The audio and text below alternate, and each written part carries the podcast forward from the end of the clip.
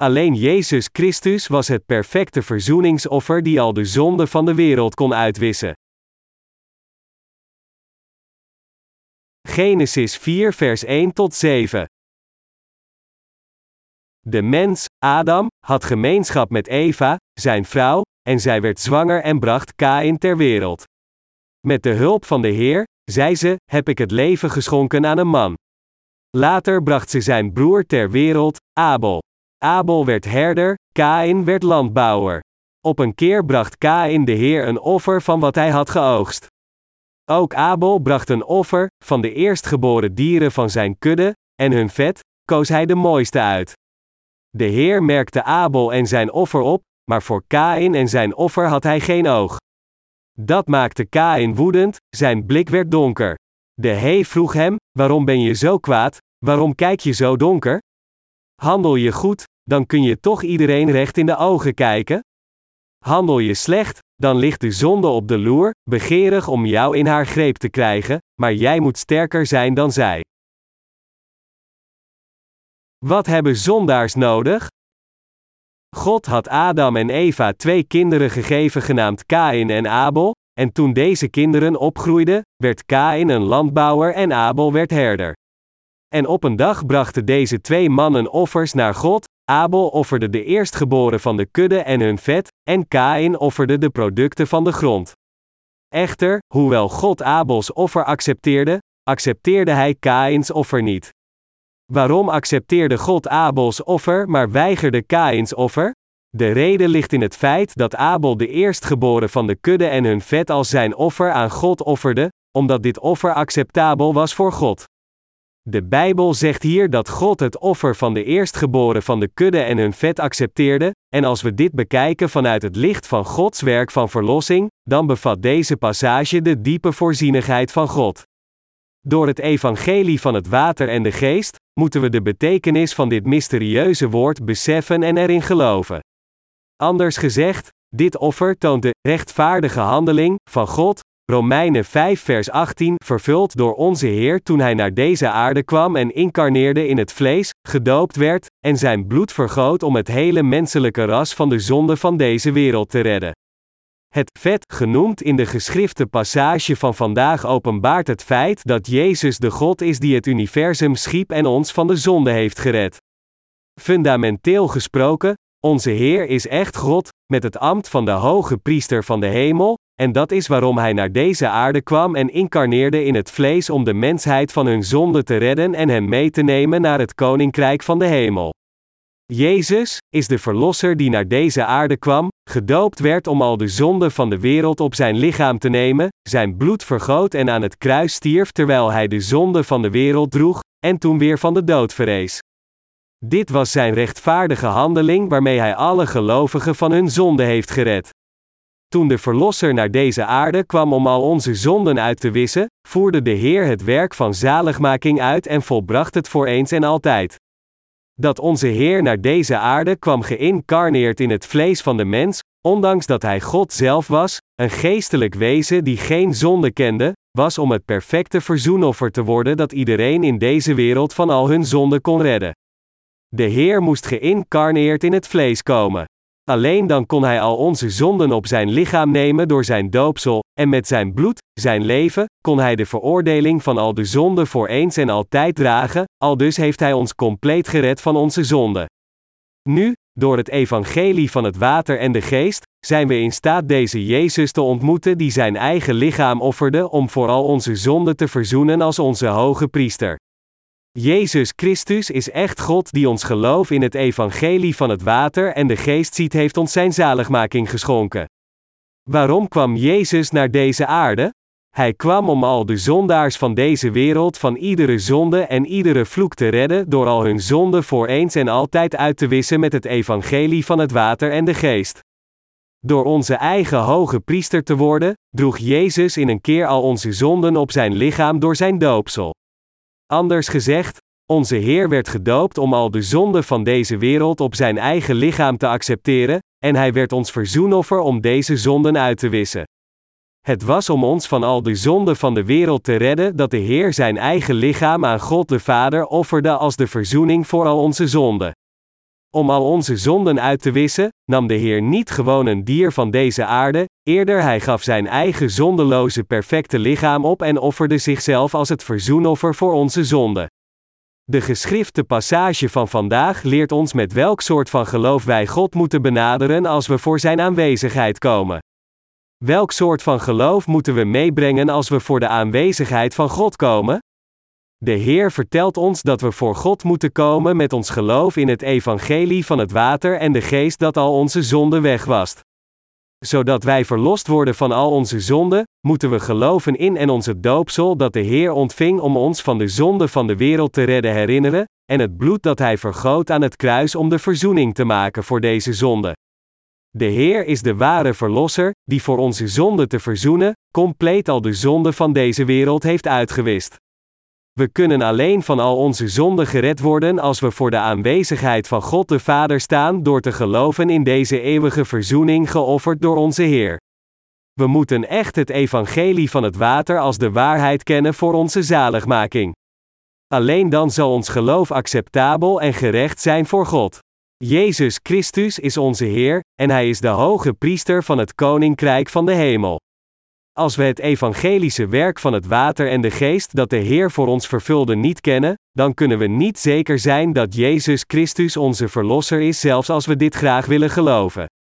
Zonder als eerste het evangelie van het water en de geest te kennen, kunnen we ook niet het ware offer van verzoening kennen, noch kunnen we ons volledig geloof aan God offeren. Hoe kunnen we dan de eerstgeboren van de kudde en zijn vet offeren, het ware verzoeningsoffer? Ik herhaal, zodat wij ons ware geloof aan God kunnen brengen, moeten we geloven in het evangelie van het water en de geest dat de Heer ons gegeven heeft. Onze ware handelingen van geloof zijn alleen mogelijk in het evangelie van het water en de geest. Anders gezegd, alleen door te geloven in het evangelie van het water en de geest kunnen we wandelen met God door geloof. Dat is waarom de Bijbel getuigt dat men een volledig geestelijk leven kan leven als men het perfecte geloof heeft, Jacobus 2 vers 22. Een dergelijk geloof is alleen verkrijgbaar als we volledig geloven dat Jezus Christus onze Verlosser is. We moeten verlost worden van al onze zonden door te geloven in onze Verlosser Jezus binnen het evangelie van het water en de geest. We moeten geloof hebben in deze Jezus Christus als onze Verlosser, die voor ons de hoge priester van de hemel is. Alleen dan kunnen we de ware zaligmaking ontvangen, de kinderen van God de Vader worden en het koninkrijk van God als de rechtmatige erfgenamen erven. Dit is wat de geschrifte passage van vandaag Genesis hoofdstuk 4 ons vertelt. Om al onze zonden weg te wassen, hebben we het offer van het Lam van God nodig. Onze menselijke natuur is van dien aard dat we niet anders kunnen dan zonde te plegen tot de dag van onze dood. Dat dergelijke mensen zoals ons de vergeving van onze zonde van God ontvangen, het lam van God is absoluut noodzakelijk. We moeten de eerstgeboren van de kudde en zijn vet voor de aanwezigheid van God brengen, en onze beleidenis van geloof als volgt maken: Vader God, Net als dit lam zijn bloed vergoot en voor u stierf, moest ik zo voor mijn zonde zijn gestorven, maar om mij te redden, werd Jezus het lam van God gedoopt door Johannes de Doper. De Heer accepteerde al mijn zonde voor eens en altijd door zijn doopsel, en om heel de veroordeling van al deze zonden te dragen, droeg hij heel de veroordeling aan het kruis. Het is als we dit geloof in Jezus, het offerlam van God, en als we dit geloof in Jezus als onze Verlosser voor de aanwezigheid van God de Vader brengen, dat we in staat zijn de ware vergeving van zonde te ontvangen. Als we dit geloof naar God de Vader brengen, en als Hij naar dit geloof van ons kijkt, zal Hij het goedkeuren en ons accepteren als Zijn eigen kinderen. Dit geldt ook voor Abel, had hij de eerstgeboren van zijn kudden en hun vet niet geofferd, dan had God hem niet kunnen accepteren. Abel bracht de eerstgeboren van zijn kudde en hun vet als zijn offer aan God. Dit houdt in dat Abel moedig voor de aanwezigheid van God de Vader kon komen door te geloven dat Jezus Christus de hoge priester van de hemel is die al onze zonden van het hele menselijke ras had uitgewist. Dat is waarom God de Vader Abel en al zijn offers accepteerde. We moeten ook voor God komen met hetzelfde geloof als dat van Abel. We moeten het feit beseffen dat een geloof dat anders is dan het geloof van Abel nooit door God geaccepteerd zal worden. Het brandofferaltaar in het Oude Testament is in wezen de straf van de zonde. Als de mensen van Israël de tabernakel binnengingen om God hun offer van verzoening te offeren, dan kwamen zij als eerste het brandofferaltaar tegen. En als tweede zagen zij het wasbekken. Beide het brandofferaltaar en het wasbekken waren gemaakt van brons. Wat vertellen het brandofferaltaar en bronzen wasbekken ons? Hoe kunnen wij, die massa's van zonde hebben, ooit God benaderen en voor Zijn aanwezigheid staan? Het brandofferaltaar verklaart dat al onze zonden al werden veroordeeld door het verzoeningsoffer. Daarom, de manier voor ons om te ontsnappen aan onze straf en om voor God te staan is alleen mogelijk als we voor Hem komen door te geloven dat al onze zonden al werden veroordeeld op het bronzen brandofferaltaar. Ondanks dat we ontoereikende wezens zijn die niet anders kunnen dan te zondigen tot onze dood en omdat het verzoeningsoffer al onze zonden overnam en onze veroordeling droeg op het brandofferaltaar, door dit feit te bevestigen en erin te geloven, kunnen we nog steeds moedig voor de aanwezigheid van God komen. Wanneer een Israëliet een offer op het brandofferaltaar offerde, moest hij als eerste zijn zonden aan God beleiden en zijn zonden aan het offerdier doorgeven door zijn handen op zijn hoofd te leggen. Hierna snee hij de keel van het offerdier door, tapte het bloed af en gaf dit bloed aan de aanwezige priester. De priester offerde het verzoeningsoffer dan namens hem, hem in staat stellend de vergeving van zijn zonde te ontvangen. Het bronzen wasbekken symboliseert de bevestiging van het geloof dat onze zonden compleet werden weggewassen door het verzoeningsoffer erkend door God. Met andere woorden, dit betekent dat het is door het evangelische woord van het water en de geest te bevestigen dat we in staat zijn het geloof dat gelooft dat al onze gepleegde zonden ofwel met onze harten of handelingen al werden uitgewist zo wit als sneeuw. Nu, door te geloven in het doopsel van Jezus Christus, die onze hoge priester van de hemel is, en in zijn bloed van het kruis, zijn we in staat moedig voor de aanwezigheid van God te staan zonder enige schaamte of angst. We geloven dat de Heer ons op deze manier heeft gered. Nadat wij het brandofferaltaar en het bronzen wasbekken gepasseerd zijn, bereiken we het heiligdom als het hoofdgebouw van de tabernakel. Met welk soort van geloof streven we om het heiligdom binnen te gaan? Ook dit geloof is nog steeds hetzelfde geloof dat gelooft in het woord dat God al onze zonden met het evangelie van het water en de geest heeft uitgewist. We kunnen het heiligdom alleen binnengaan als we het geloof hebben dat de Heer de hoge priester van ieder van ons die geloven in het evangelie van het water en de geest is. Wat zouden we ontdekken als we het heiligdom van God binnengaan? We zouden de gouden kandelaar zien, de tafel van toonbroden en het wierookaltaar.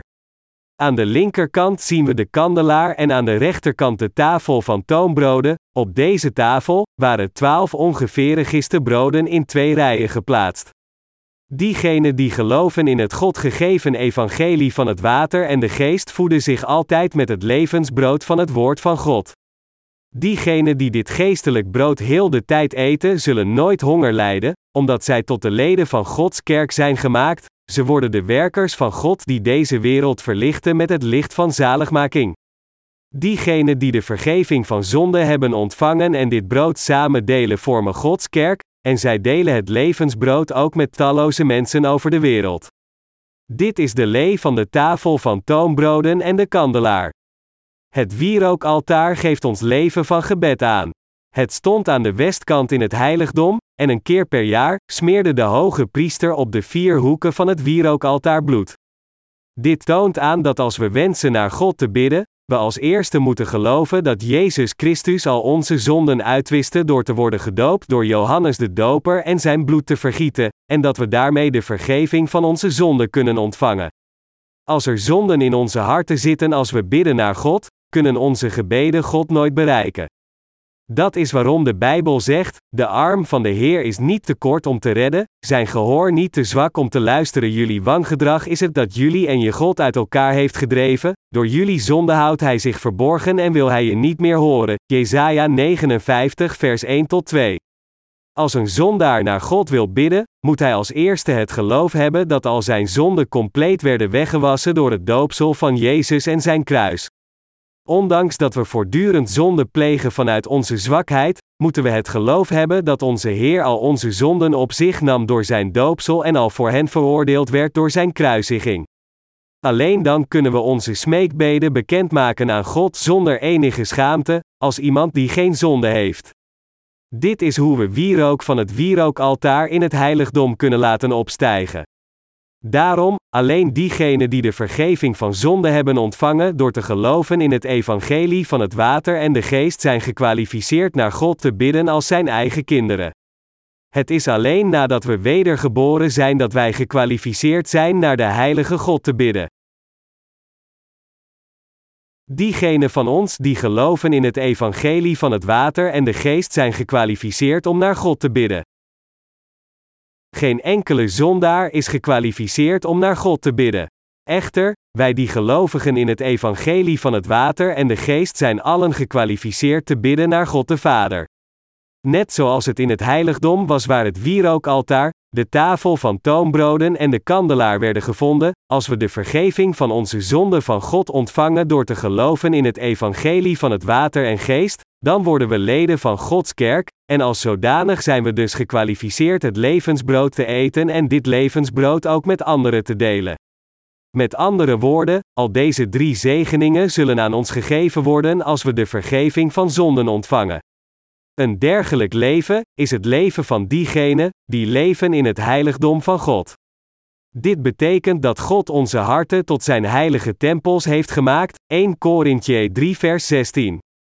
God rekent ons tot zijn heilige kinderen. Dat is waarom wij als we de vergeving van zonde van God ontvangen rechtvaardig worden gemaakt, en we in staat zijn het woord van God door geloof te eten. Om in het heiligdom te komen, moest men opnieuw door een gordijn geweven uit een blauwe, paarse en rode draad van get WRND linnen gaan, net zoals men door de poort van de tabernakel moest komen geweven uit dezelfde soorten van draden. De blauwe draad geeft het doopsel van Jezus aan, de paarse draad betekent dat Jezus God is, en de rode draad staat voor Jezus bloed. Wat moeten we meebrengen om het koninkrijk van God binnen te gaan? We moeten het geloof meebrengen dat gelooft dat onze zonden werden uitgewist door het evangelie van het water en de geest. Alleen dan worden we rechtvaardig gemaakt, en zijn we in staat het levensbrood te eten en van het eeuwige leven te genieten, en ook gekwalificeerd te bidden naar God de Vader. In het tijdperk van het Oude Testament, als de hoge priester in het allerheiligdom wilde binnenstappen, dan moest hij het bloed van het offer dat de zonde van zijn mensen had geaccepteerd meebrengen. Dit offersysteem van de grote verzoendag openbaart de waarheid dat als we geloven in het doopsel van Jezus Christus ons lam en zijn bloed aan het kruis, wij niet alleen in staat zijn om aan de woede van God te ontsnappen, maar ook om zijn kinderen te worden om van al de zegeningen van de hemel te genieten. Het geloof dat ons in staat stelt het koninkrijk van God binnen te gaan is ons geloof in het evangelie van het water en de geest. Dit evangelie getuigt dat Jezus al de zonde van ons hele leven overnam door te worden gedoopt in de rivier de Jordaan en dat terwijl hij de zonde van de wereld schouderde, hij heel de veroordeling aan het kruis droeg. We moeten daarom geloven in de verzoening van het Lam van God. We moeten geloven in onze Heer Jezus Christus die al onze zonde droeg, en we moeten dit bloed van verzoening meebrengen om voor de aanwezigheid van God te kunnen staan. Achter in het heiligdom komen we een ander gordijn tegen. Dit gordijn is ook geweven uit een blauwe, paarse en rode draad en getwrnd linnen, waar kerubijnen op geborduurd zijn. Achter dit gordijn is het allerheiligdom. Wat zien we binnenin het allerheiligdom? We zien de ark van getuigenis, de ark van Gods verbond. Dit is de plaats waar God zelf naar afdaalde. De ark was een rechthoekige kist met een deksel, en daar bevonden zich de twee stenen tabletten met de wet, Aaron staf die knoppen kreeg, en de gouden pot met manna in. Het gouden deksel dat de ark bedekte was gemaakt met kerubijnen die elkaar vanaf het uiteinde aankeken, ze bedekten de ark met hun open vleugels. Het wordt ook de verzoendeksel genoemd, omdat dit de plaats was waar God zijn genade gaf. Als daders van zonde kunnen we Gods strenge oordeel niet vermijden, maar als we geloven dat Jezus Christus al onze zonden op zich nam en zijn bloed als verzoening voor onze zonden vergoot, en als we dit geloof meenemen in het allerheiligdom, zal God zijn genade van de verlossing aan ons schenken. Niets anders dan dit is de ontvangst van de genade van zaligmaking van de verzoendeksel. Als de hoge priester het bloed van het offer zeven keer op de verzoenteksel sprenkelde en één keer per jaar naar het oosten, was hij dit geloof aan het begeleiden. Wat hebben we uiteindelijk nodig om voor de aanwezigheid van God te staan? Zou God ons accepteren als we Hem onze eigen rechtvaardige handelingen zoals Kain deed zouden brengen?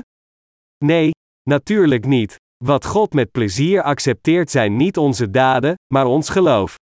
Als we ons geloof in het evangelie van het water en de geest brengen om voor God staan, dan ons geloof ziend, zal God ons als rechtvaardige mensen goedkeuren, ons aannemen als zijn kinderen en ons ook al de zegeningen van de hemel geven.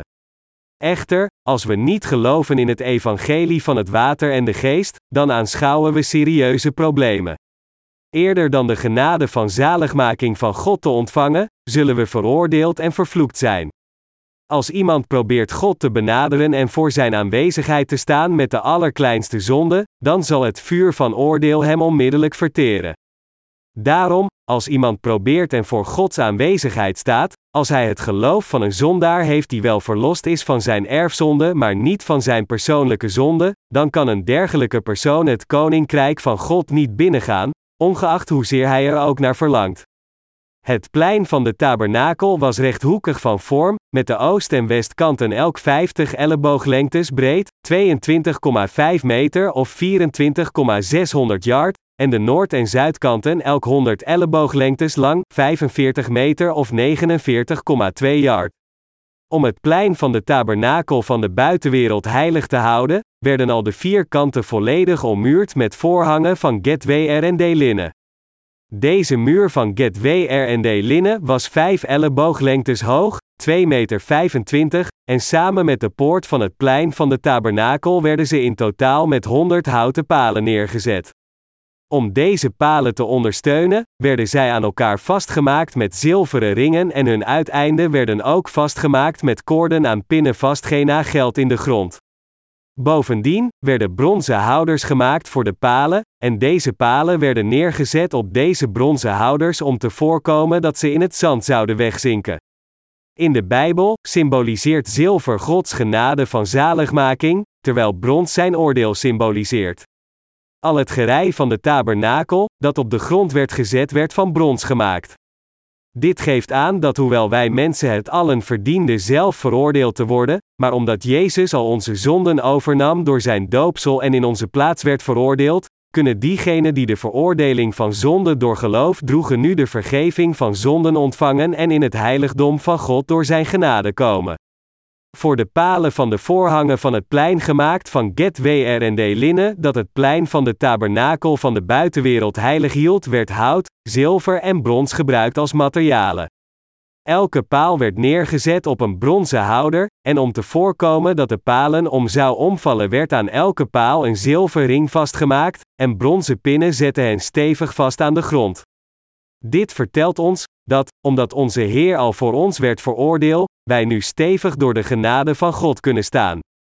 Bovendien vertellen de witte voorhangen van Getwer en D linnen die het plein van de tabernakel omringen ons, dat het diegenen zijn die verlost zijn van hun zonde nu zo wit als sneeuw zijn door te geloven in het evangelie van het water en de geest, Gods mensen zijn geworden.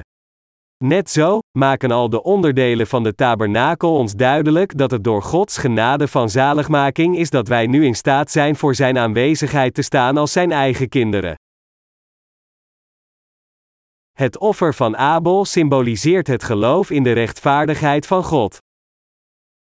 Toen Abel de eerstgeborene van de kudde doodde en het samen met het vet naar God bracht als zijn offer, waren zijn hart en geloof als volgt: Lieve God, door mijn zonde, zou ik zo moeten sterven en veroordeeld moeten worden. Maar ik geloof dat volgens uw wet van zaligmaking, toen ik mijn handen op het lam legde, al mijn zonden eraan werden doorgegeven, en toen dit lam zijn bloed vergoot en stierf, heel het loon van mijn zonde werden afbetaald. Ik offer u dit offer met geloof. Ik geloof dat u dit offer lam zult accepteren en mij zult redden. Abel bracht dit geloof naar God en het was door dit geloof dat zijn offer van geloof goedgekeurd werd door God. God waste de zonde van Abel weg en hij accepteerde Abel en zijn offer op dezelfde manier. Uiteindelijk was Abel iemand die triomfeerde overigens zijn zonden en dood door geloof. Abel is een van de voorvaderen van geloof die geloofde in de rechtvaardigheid van God. Voor God kunnen wij ook zijn mensen worden door hetzelfde geloof, door te geloven in het feit dat Jezus onze hoge priester is. Als we voor Zijn aanwezigheid staan met ons geloof dat gelooft in de rechtvaardigheid van God, dan kan zelfs de wet van God ons niet meer veroordelen. Omdat Jezus onze eigen hoge priester is geworden, kan zelfs de wet die de strikte rechtvaardigheid van God openbaart niet zeggen dat wij zonde hebben verre van, het kan alleen maar erkennen dat wij geen zonde hebben. Om al onze zonden uit te wissen, nam Jezus al onze zonden op zijn lichaam door te worden gedoopt, en hij droeg heel de veroordeling van onze zonden. Daarom, al diegenen die geloven in deze waarheid zullen gered worden van hun zonde. Hoewel God de Vader rechtvaardig is en ook een strenge God is, door ons zijn zoon te sturen, en door hem te laten dopen door Johannes de Doper en zijn bloed te laten vergieten, heeft God ons van al onze zonden gered. Dit alles is dankzij de zaligmaking naar ons gebracht door degene die de hoge priester van het koninkrijk van de hemel is, Jezus Christus. Begrijpt u dit nu? Met andere woorden, God heeft ons zondeloos gemaakt door zijn eigen rechtvaardigheid. Dus voor de rechtvaardigheid van God, geven we heel onze dankbaarheid aan Hem en verheerlijken Hem met geloof. We moeten weten welk offer van rechtvaardigheid acceptabel is voor God, en we moeten hierin geloven. Dit offer is het geloof dat gelooft in het doopsel dat Jezus Christus ontving en het bloed dat Hij vergoot aan het kruis. Door het evangelie van het water en de geest, moet ieder van ons beseffen dat Jezus onze hoge priester is geworden. Zonder enige twijfel, heeft Jezus duidelijk zijn rol als de hoger priester van het koninkrijk van de hemel vervuld. Jezus is onmiskenbaar de verlosser die al de zonde van deze wereld voor eens en altijd heeft uitgewist. Als de hoge priester van de hemel, heeft hij in een keer al de zonde van deze wereld weggenomen. Dit werk werd bereikt door het eeuwige offer dat alleen de hoge priester kon geven. Gewone priesters moesten iedere dag offers voor het volk van God offeren, en zij moesten ook tientallen offers in een dag geven om de zonde van iedere zondaar uit te wissen. In tegenstelling, de hoge priester wiste al de zonde van de Israëlieten van één heel jaar uit door een offer te offeren op de tiende dag van de zevende maand. Niettemin, als de aardse hoge priester 50 jaar werd, moest hij zijn priesterlijke plichten aan zijn zoon overdragen, en daarom moesten talloze hoge priesters dienen in de tabernakel van de ene generatie op de andere. In tegenstelling, de hoge priester die neerdaalde uit de hemel redde iedereen perfect die voor God komt door te vertrouwen op het doopsel van Jezus Christus en zijn bloed. Toen hij naar deze aarde kwam, nam hij al de zonde van de wereld voor eens en altijd op zich door te worden gedoopt door Johannes de Doper, werd veroordeeld tot het kruis voor deze zonde, verrees weer van de dood en steeg weer op naar de hemel om aan de rechterhand van de troon van God de Vader te zitten.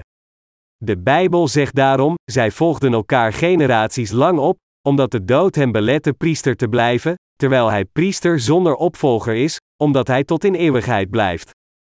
Zo kan hij ieder die door hem tot God komt volkomen redden, omdat hij voor altijd leeft en zo voor hen kan pleiten. Hebreeën 7 vers 23 tot 25. Jezus is onze eeuwige hoge priester. Niet waar? Heeft Jezus al de zonde van deze wereld twee keer uitgewist? Nee, natuurlijk niet. Hij wiste hen in één keer met de evangelische waarheid van het water en de geest uit. Alleen als we het offer van rechtvaardigheid aan God offeren door ons geloof in het evangelie van het water en de geest kunnen we het offer geven dat God plezier doet. Anders zullen we vervloekt worden, en dat is wat God ons vertelt door de twee verschillende offers van Kain en Abel. Het was Abel en zijn offer dat God accepteerde. Dit geldt ook voor ons, het is door het offer van rechtvaardigheid te geven dat acceptabel is voor God door ons geloof dat wij zijn mensen zijn geworden.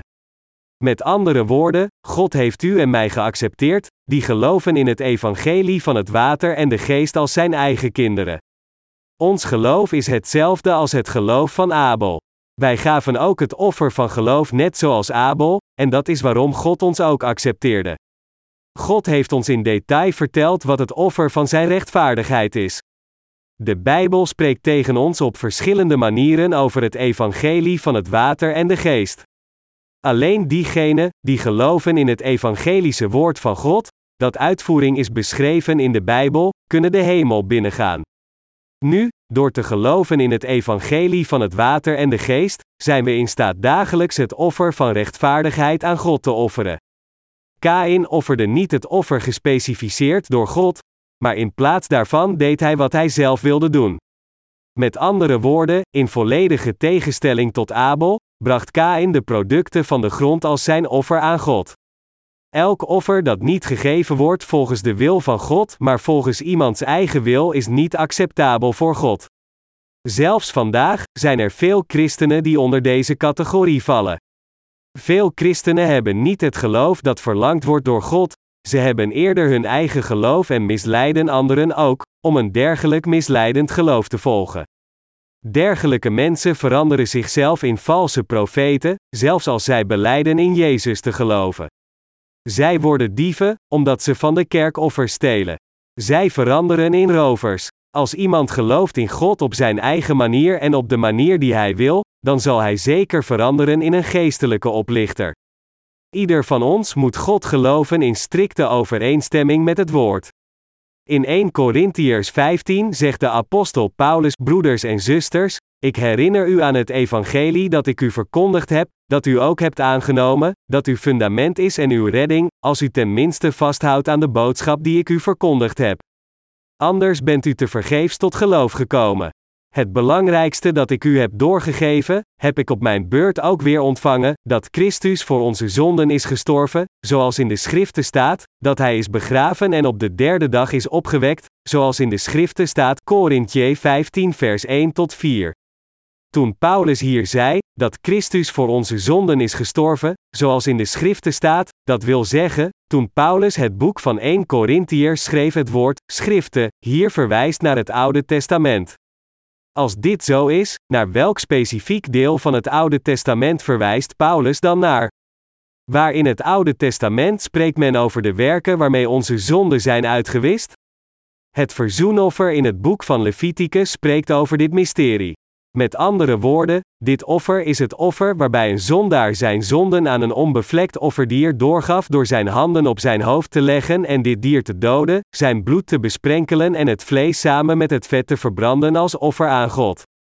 Niets anders dan dit was het offer van rechtvaardigheid dat Abel had geofferd. Onze Heer kwam naar deze aarde in overeenstemming met de geschriften, nam onze zonden over door zijn doopsel volgens de geschriften, stierf aan het kruis volgens de geschriften, verrees weer van de dood volgens de geschriften en is daarmee onze hoger priester geworden en redde ons allen, weer precies volgens de geschriften.